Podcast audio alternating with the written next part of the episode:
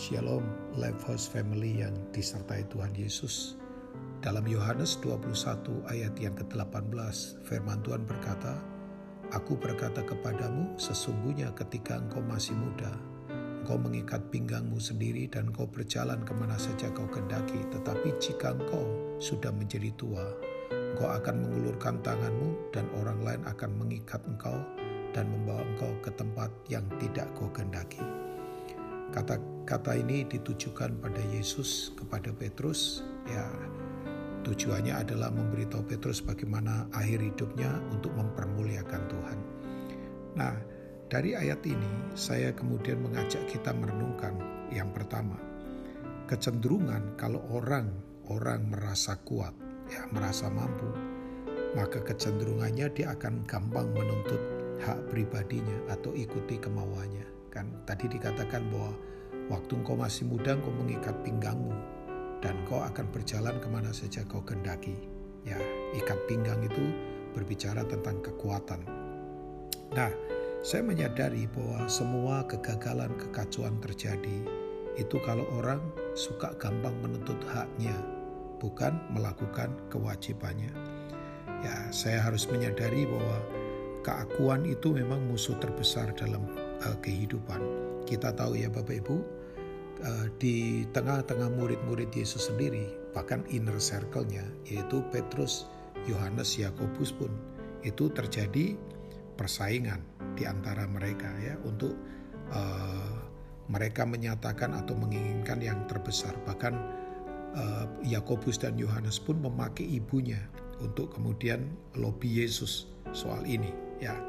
Nah, saya percaya bahwa sekali lagi penuntutan hak bisa saja dengan sekarang pengajaran-pengajaran model-model mengklaim janji Tuhan bahwa pasti sukses, pasti hebat.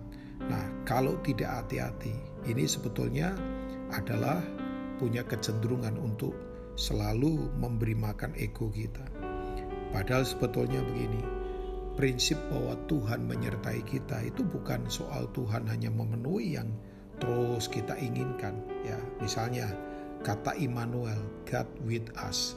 Itu orang salah persepsi sering kali. Oh Tuhan menyertai kita berarti waktu saya nanti pergi liburan Tuhan jagai rumah saya Tuhan jagai aset saya Tuhan jagai keamanannya dan sebagainya. Padahal konsep Tuhan menyertai kita itu tidak ada hubungan dengan supaya memuaskan ego kita atau menuntut hak kita Tuhan menyertai kita itu artinya Tuhan itu mau berfellowship dengan kita. Dan kalau Tuhan berfellowship dengan kita, harusnya kita sadar bahwa kehendak Tuhan harus lebih utama dalam kehidupan kita. Nah, yang pertama adalah itu tadi, bahwa orang kalau merasa kuat, merasa hebat, selalu akan gampang menuntut kemauannya. Nah, yang berikutnya adalah waktu yang kedua. Kemudian waktu orang menjadi tua, kehilangan kekuatan, ya, fasilitas di mana sekarang kita ada pada situasi yang memaksa kita di situasi yang kita tidak mau sebetulnya. Pertanyaannya, waktu kita dituntut yang kedua, apakah kita kuat?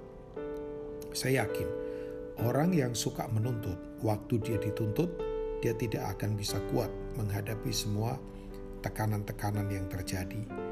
Saya sungguh menyadari Bapak Ibu semua yang ada di Life House Family, sekarang kita ada di situasi ya krisis, ketidakpastian, semua kesukaran itu akan menuntut setiap orang percaya untuk tetap kokoh di dalam Tuhan. Makanya saya menyarankan untuk uh, semua yang ada di Life House Family termasuk juga ini buat saya, yuk seperti yang Yesus tadi katakan, kalau engkau sudah tua, engkau akan mengulurkan tanganmu dan orang lain akan mengikat engkau membawa engkau ke tempat yang tidak kau kendaki. Memang nggak nyaman karena kita akan dibawa ke tempat-tempat yang situasinya, kondisinya tidak seperti yang kita harapkan. Tapi saya suka dengan kata kunci mengulurkan tanganmu. Ini adalah bahasa penyerahan diri sebetulnya. Totally surrender. Nah ini waktunya memang kita harus berserah total untuk tidak menuntut hak kita, tapi betul-betul menyerahkan hak kita. Nah, itu yang sudah dikerjakan menjadi teladan buat kita oleh Tuhan Yesus sendiri dalam Filipi pasal 2 ya bahwa walaupun dia itu Allah, tapi dia tidak mempertahankan kesetaraan dengan Allah sebagai milik yang harus dipertahankan, tapi dia mengosongkan dirinya dan menjadi hamba, bahkan dia taat sampai mati di kayu salib. Ya, ini yang disebut dengan teologi kehambaan atau kenosis. Nah, saya percaya di masa di mana uh, situasi, kondisi, keadaan menuntut kita, kita akan tetap kuat karena kita memang fokus untuk berserah total pada kehendak Tuhan. Tuhan memberkati Bapak Ibu semua.